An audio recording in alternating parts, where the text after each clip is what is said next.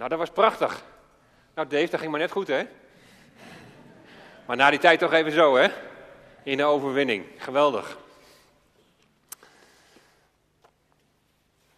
Ik ben bezig met een uh, serie preken over de eindtijd. De tijd vlak voordat de Heer Jezus terug zal komen. Want we geloven dat dat nog eens zal gaan gebeuren. Um, maar wat zegt de Bijbel daar nou eigenlijk over? We hebben inmiddels eh, twee afleveringen gehad, naar aanleiding van het Bijbelboek Matthäus, Matthäus hoofdstuk 24. En we hebben met elkaar vooral gekeken naar de Joodse toekomstverwachting. Hoe was de Joodse toekomstverwachting in de tijd van Jezus, dus rond het jaar 30 na Christus? De leerlingen van Jezus die verwachten toen net als hun, hun landgenoten, verwachten ze een Messias, een gezalfde van God, die de macht over zou nemen van de Romeinen die in die tijd heersten. En zij geloven dat Jezus die Messias is. En de Joodse toekomstverwachting is op grond van de, wat de profeten in het Oude Testament hebben gezegd. Die toekomstverwachting is dat die Messias, dat hij zal gaan regeren. En dat dan een vrederijk zal aanbreken. We noemen dat ook wel het Messiaanse Rijk. Maar Jezus maakte zijn leerlingen duidelijk, dit gaat nog wel even duren. Nog lang geen vrederijk, omdat het volk mij, zegt Jezus, zal afwijzen als koning. En Jezus die zegt in Matthäus 24 tegen zijn leerlingen, dus in plusminus nou, 30 na Christus, let op wat de profeet Daniel daarover heeft gezegd. En dat was zo'n 500 jaar daarvoor. Nu dus 2500 jaar geleden. Want, zegt Jezus, dan zul je begrijpen wat er gaat gebeuren. Dan zul je zien hoe ze mij zullen afwijzen en wat ook de gevolgen daarvan zullen zijn. Omdat Jezus verwijst naar de profeet Daniel, gaan we vandaag eerst lezen wat Daniel ons te zeggen heeft. En gaan we de volgende keer verder met Matthäus 24. Daniel, dus ongeveer ergens tussen 600 en 500 voor Christus, die bevindt zich met zijn volksgenoten, bevindt hij zich niet in Israël, maar hij is in Babel, in het huidige Irak. En ze zijn daar in ballingschap, ze zijn weggevoerd omdat ze ongehoorzaam zijn geworden aan God. En terwijl ze daar zijn in die ballingschap, dan leest Daniel de belofte van de profeet Jeremia. Dus hij leest aan andere profeet dat ze na 70 jaar in die ballingschap, dat ze weer zullen mogen terugkeren.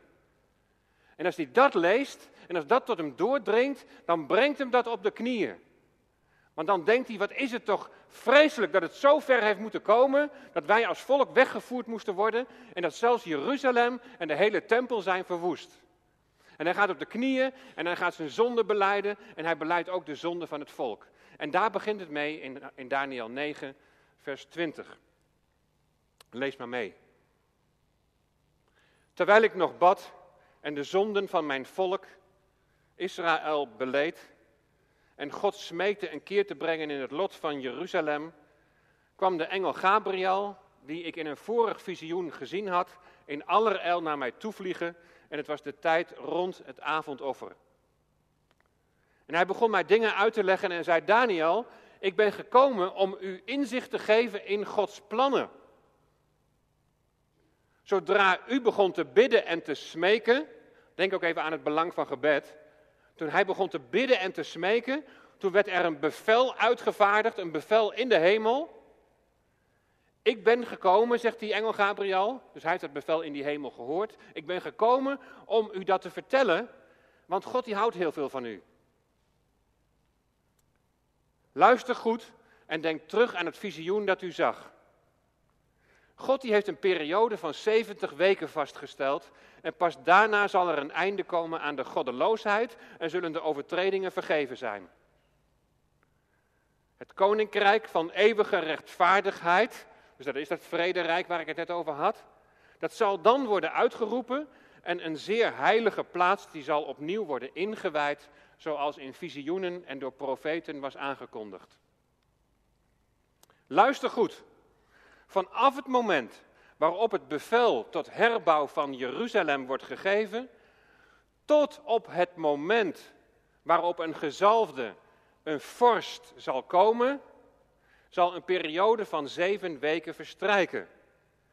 Jeruzalems straten en stadsmuren zullen gedurende een periode van 62 weken intact blijven, ondanks de rumoerige tijden.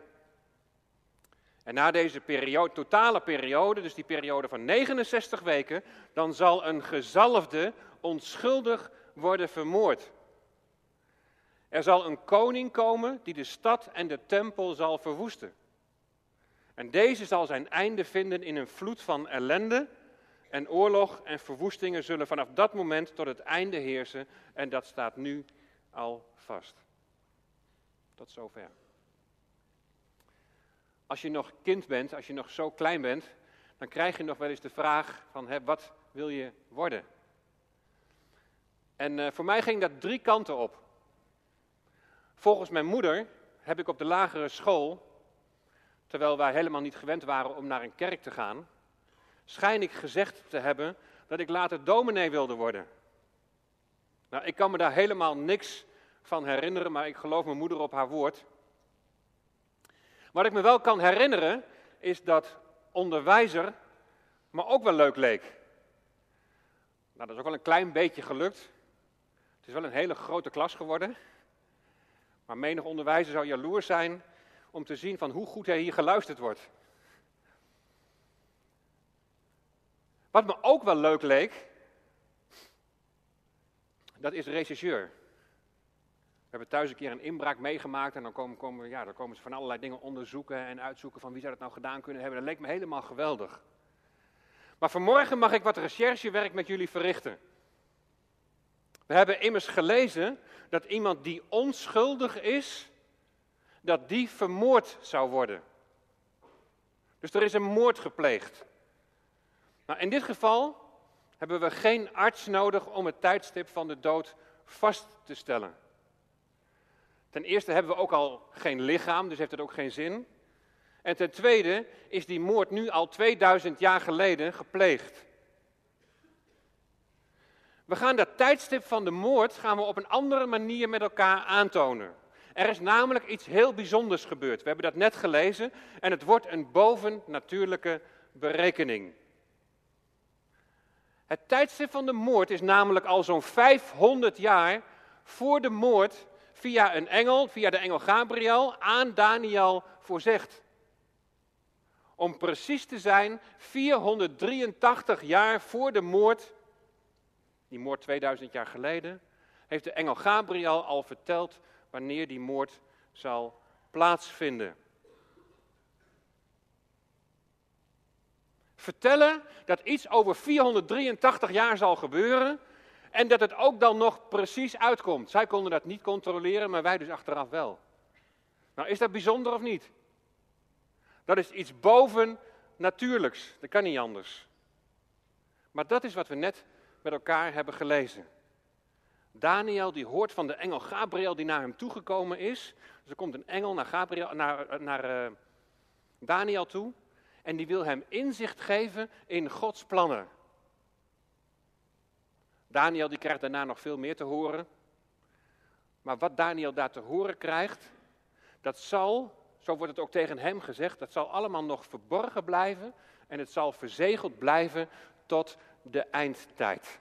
En ik heb eerder al eens verteld, eigenlijk begint die eindtijd al bij de eerste komst van Jezus. Maar tot die tijd zal het allemaal nog onduidelijk blijken.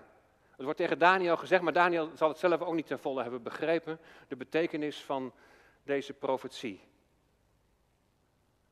Daarom zegt Jezus tegen zijn leerlingen, omdat die eindtijd aangebroken is, let op wat aan Daniel is verteld 500 jaar geleden, want dan zullen jullie het gaan begrijpen.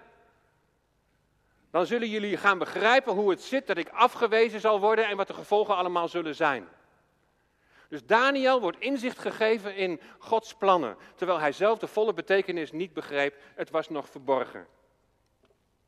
Nou, wat is het fantastisch dat die plannen die aan Daniel zijn verteld, dat die door hem zijn opgeschreven, want zo kan ik vanmorgen daarover iets met jullie nog delen. En het mooie daarvan is dat ik iets kan laten zien van het plan van God. En daar, daaruit blijkt dat God, de schepper van hemel en aarde, dat God, de schepper van hemel en aarde, een strategie heeft. Dat hij een plan heeft. Hij doet niet zomaar wat. Hij heeft iets uitgedacht.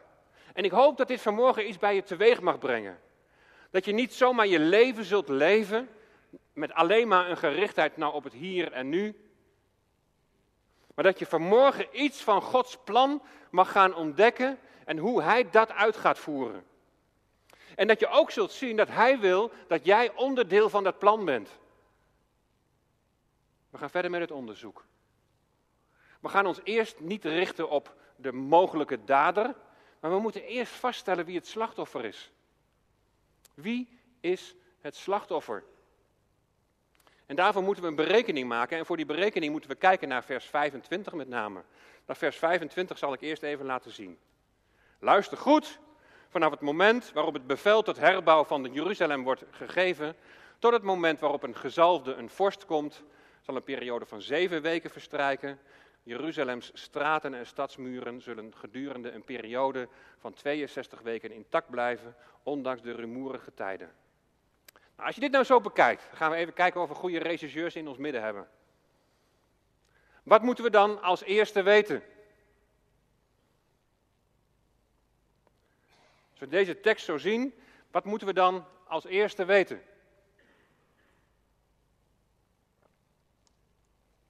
Hebben we nou echte regisseurs in ons midden.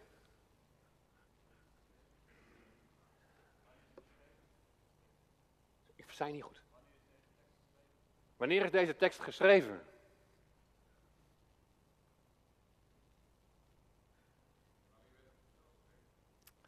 Wanneer werd het bevel gegeven? Precies. We moeten weten wanneer dat bevel wordt gegeven om Jeruzalem te herstellen. Dus ook wanneer het geschreven is, inderdaad. Wanneer wordt het bevel gegeven om Jeruzalem te herstellen? Want dan hebben we een beginpunt. Dan kunnen we ergens vanaf gaan rekenen. Nou, zoals eerder gezegd, zouden ze 70 jaar na de ballingschap uit Irak zouden ze terugkeren naar Jeruzalem. En dat is 535 voor Christus. En dat is precies 70 jaar nadat Daniel was weggevoerd naar Babel. En dat was zo 605 voor Christus. Dus dat klopt allemaal precies. Nou, die terugtocht die ging in drie fasen. De eerste groep, 535 voor Christus, ging terug naar Jeruzalem met Joshua en Zerubabel. De tweede groep met onder andere Ezra in 458. En dan de derde groep, en daar gaat het met name even om, want die is belangrijk voor onze berekening. Dat is de groep met Nehemia die teruggingen in 445 voor Christus. Want dat was het jaar dat de Perzische koning toestemming gaf aan Nehemia om Jeruzalem te herbouwen. Dus vanaf hier gaan we rekenen. Stap 2. Nou, het is echt recherchewerk, we moeten onderzoek doen. Stap 2 is dan, ja, wat is eigenlijk een jaarweek? We moeten vaststellen wat een jaarweek is. Dan ga ik gezien de tijd jullie geen uitgebreide onderbouwing daarvan geven. Het is allemaal in het dossier. Als je het nog eens een keer na wil kijken, dan ben je van harte welkom. Maar een jaarweek is een periode van zeven jaar. En we lezen hier in Daniel 9 over drie perioden. Over zeven weken, over 62 weken en over één week. Dan hebben we het dus over 49 jaar, 434 jaar, 7 jaar, totaal 490 jaar. Tijdens de eerste zeven jaarweken, dus de eerste 49 jaar, werden niet alleen de muren opgebouwd, want daar hadden ze niet zoveel tijd voor nodig, maar werd tevens Jeruzalem werd geheel opnieuw opgebouwd, geheel voltooid, inclusief de publieke gebouwen en de wegen, alles. En dan blijft alles daarna, 62 weken, zo 434 jaar, blijft alles intact. Ondanks de rumoerige tijden die er zijn. Maar wat we willen vaststellen, en waar het vanmorgen om gaat, is wat is de identiteit van diegene die na 69 weken wordt vermoord. 69 weken. Dan hebben we het over 69 jaarweken, keer 7 is 483 jaar, zoals ik aan het begin al zei. Nou, als je nou rekent vanaf 445 voor Christus, je telt daar 483 bij op, dan kom je in het jaar 38 na Christus. Dan moet er nog wat aan gesleuteld worden. Want zij rekenden niet met 365 dagen, maar ze rekenden met 360 dagen. En zo zijn er nog wat andere dingetjes waar je, waar je iets rekening mee moet houden. En dan kom je uiteindelijk kom je zo uit op ongeveer 32 na Christus. Nou, er zijn mensen die het heel exact kunnen berekenen. En die komen zelfs op de dag uit dat Jezus op een ezel Jeruzalem binnenloopt, eh, de, de intocht in Jeruzalem, zo vlak voor het moment dat hij gekruisigd wordt. Het zou best kunnen, maar de globale schatting van 32 na Christus is voor mij wel voldoende. 483 jaar geleden heeft Daniel dus al bericht gekregen dat een gezalfde onschuldig vermoord zal worden, zo omstreeks 32 na Christus. Nou, als het gaat om een gezalfde en het gaat om de Messias, die onschuldig vermoord zal worden, nou dan kan ik omstreeks dat jaar kan ik maar aan één persoon denken. Jezus. En het past dus in de strategie van God, in, in zijn plan, in wat hij uitgedacht heeft, dat een gezalfde, dat een Messias zal worden uitgeroeid. Als Jezus zijn leerlingen wijst op de profeet Daniel en wat hij heeft opgeschreven, dan weet hij al dat zijn leven gruwelijk gaat eindigen aan een kruishout. En hier zien jullie zo'n kruis. Het symbool van het christendom. Eigenlijk best wel apart, een martelwerktuig als symbool. Door God zelf uitgekozen. Door Hemzelf is het tijdstip van de kruisiging bepaald. Na 69 weken, 483 jaar, zal een gezalfde, een Messias, worden vermoord. De identiteit van het slachtoffer is vastgesteld. Jezus Christus, de Zoon van God. Wie is dan de dader? Joden hebben hem weggehoond. Weg met hem, riepen ze. Kruisig hem. De Romeinen hebben hem gekruisigd. Zijn de Joden de daders? Zijn de Romeinen de daders? Of is dit wat te simpel gesteld? Ik, ik denk het wel. Hij is exact op de door God bestemde tijd aan het kruis geslagen. Hier is geen sprake van toeval, want het is van tevoren al door God bepaald. Jezus moest deze weg gaan. En dat vinden we niet alleen bevestigd in dit verhaal, maar als je de Joodse feesten zo op een rijtje zet, we hebben daar vanmorgen geen tijd voor, maar dan kom je ook precies uit op het moment dat God voorzegd heeft. Wie is de dader? De Joden? De Romeinen? Ik ben de dader. Jij bent de dader. Want hij ging aan dat kruis om jou, om mij, voor jou, voor mij. Uit liefde. Iemand die zijn leven voor jou geeft. Omdat hij jou terug wil winnen voor God, jouw schepper. Al zo lief heeft God de wereld gehad dat hij zijn enige geboren zoon gegeven heeft. En die moest hij geven omdat ik schuldig ben. Die hij gegeven heeft opdat een ieder die in hem gelooft niet verloren gaat, maar eeuwig leven heeft.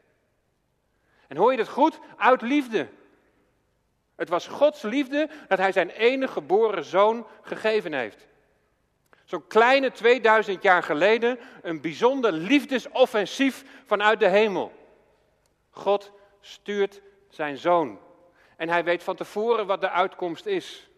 Een gezalfde zal vermoord worden. Die gezalfde van God, Jezus, hij stierf aan het kruis. God wist het. Hij vertelde het via de engel Gabriel aan Daniel, die de volle betekenis daarvan nog niet zal hebben begrepen. Het was het vooropgezette plan van God. Zijn zoon aan het kruis. De mensheid, en daar is het eigenlijk wat algemeen gesteld, maar de mensheid, dat ben ik, dat ben jij. De mensheid zou eigenlijk de straf moeten dragen voor het gescheiden zijn van God. Dat was al een feit vanaf het moment dat de eerste mens zich van God afkeerde. De mens zou eigenlijk de straf moeten dragen. Ik zou de straf moeten dragen voor alle zonde en ongerechtigheid die daaruit voortvloeit. En kijk maar om je heen wat die ongerechtigheid is. Of kijk maar in je eigen hart, de mens die aan zichzelf denkt. Zijn eigen belang. Ikke, ikke, ikke. En alle ellende die daaruit voortkomt. Wij mensen hebben vergeving nodig voor het feit dat onze manier van leven zo ver afstaat van hoe God het heeft bedoeld. Maar voor volmaakte vergeving is een volmaakt offer nodig. Jezus aan het kruis, zijn offer. Gods strategie om jou te redden, om jou eeuwig leven te geven. Jezus aan het kruis en daarna zijn opstanding uit de dood is een keerpunt in de geschiedenis. Het is Gods reddingsplan dat in uitvoer wordt gebracht. We zien hier het kruis en we zien daaronder zien we het doopbad, ofwel het watergraf. En twee jonge mensen die gaan zo meteen gaan zij dit watergraf in. En Julia en Nathan, jullie laten zien dat jullie door geloof in de Heer Jezus vergeving van zonde hebben ontvangen. En de doop is een beeld. In de Bijbel kun je lezen dat je wordt gedoopt in zijn dood. Jezus de gezalde, hij moest sterven. En aan het kruis versloeg hij de macht van de boze. Aan het kruis verbrak hij de banden van de dood. Aan het kruis haalde hij de overwinning. Hij verbrak de macht van de zonde die ieder mens gescheiden houdt van God. Hij was het volmaakte offerlam. Hij in jouw plaats. En deze doop is allereerst jullie begrafenis. Je wordt gedoopt in zijn dood. Je gaat onder in het water. Je wordt in het graf gelegd. En wat begraven wordt, Julia en Nathan, dat is jullie oude ik die door de macht van de zonde gescheiden leefde van God. En wat ik, wat ik zo mooi vind in jullie getuigenissen van jullie allemaal, dat jullie in een zoektocht zijn geraakt van, hé, hey, van ik heb het van mijn ouders meegekregen. En tot een bepaalde leeftijd, dan is het van, nou ja, dan zal het wel zo zijn. Maar dat je uiteindelijk in die zoektocht van jezelf komt van, maar is dat wat zij zeggen echt waarheid? Maar is het niet alleen waarheid qua theorie, maar is het ook waarheid in mij? Is het iets van mijzelf? Jullie worden begraven, maar daar blijft het niet bij. Zoals Jezus opstond uit de dood, zijn jullie door het geloof in Hem, in de Heer Jezus, zijn jullie opgestaan in een nieuw leven. En je bent een discipel, je bent een volgeling van Hem geworden. Je staat op uit het watergraf. En in Jezus Christus heb je eeuwig leven. En je leven staat niet meer enkel in het teken van het hier en nu. Het hier en nu is een voorbereiding op het is een voorbereiding op een hele bijzondere en geweldige toekomst. Gods verlossingsplan omvat natuurlijk, of omvat namelijk niet alleen jullie redding. Gods verlossingsplan omvat niet alleen jullie redding. Dat is slechts een onderdeel. En het hele verlossingsplan van God, dat gaat veel verder. Deze hele schepping die zal worden verlost. De Bijbel spreekt over een schepping die in barensnood is. De weeën, zoals we gezien hebben de vorige keer in Matthäus 24, die zullen in alle hevigheid toenemen. En weeën die zijn pijnlijk. Er is een tijd van verdrukking. Maar weeën betekenen wel dat er iets nieuws zal aanbreken. Het doel van die geweldige toekomst is niet in de eerste plaats jullie verlossing en die van de schepping. Maar dat alles, dat heeft een doel. Dat jullie verlost zijn en dat jullie daarvan mogen getuigen in de doop, dat heeft een doel. De verlossing van de schepping, dat heeft een doel. En het doel is uiteindelijk dat de hele schepping God de aanbidding gaat brengen die, die hem toekomt. Vorige week heb ik aan deze jongeren gevraagd: Ben jij bereid om het kruis op te nemen? Wil je door verdrukking heen van Jezus getuigen? Opdat steeds meer mensen zullen mogen worden toegevoegd aan die kring, die hun knieën zullen buigen en die God zullen gaan aanbidden. Voor wie buig jij neer? Blijf je hangen in het hier en nu en in de oppervlakkigheid van ons aardse bestaan? Geen relatie met God? Of wil je vandaag buigen voor Jezus en dank je voor het offer dat Hij uit liefde voor jou heeft gebracht? Julia, jij hebt het lied uitgezocht. Jezus, alles geef ik u. Al je plannen en je tijd leg je in zijn hand. En zo gaat het lied. En Nathan, jij hebt het lied Vader, deze dag geef ik mijzelf aan u uitgezocht. Dat gaan we zo meteen ook eerst zingen. En samen met alle gelovigen mag je mensen vertellen van de liefde van Jezus, van zijn redding. Opdat het volk dat hem aanbidt zal worden uitgebreid. Negen jonge mensen die Jezus willen volgen. Een aantal zijn hem ook gevolgd in het watergraf en zijn met hem opgestaan in het nieuwe leven. En jullie mogen het vanmorgen laten zien. Negen jonge mensen die Jezus willen volgen. Hem volgen in wie je eeuwig leven ontvangt. En mijn vraag aan jullie allemaal is: wie volg jij? Amen.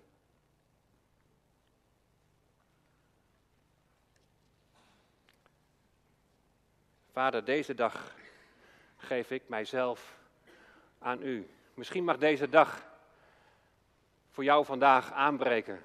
Dat je zegt, Vader, deze dag geef ik mijzelf aan u. Wil ik geloven dat ook Jezus voor mij gestorven en opgestaan is.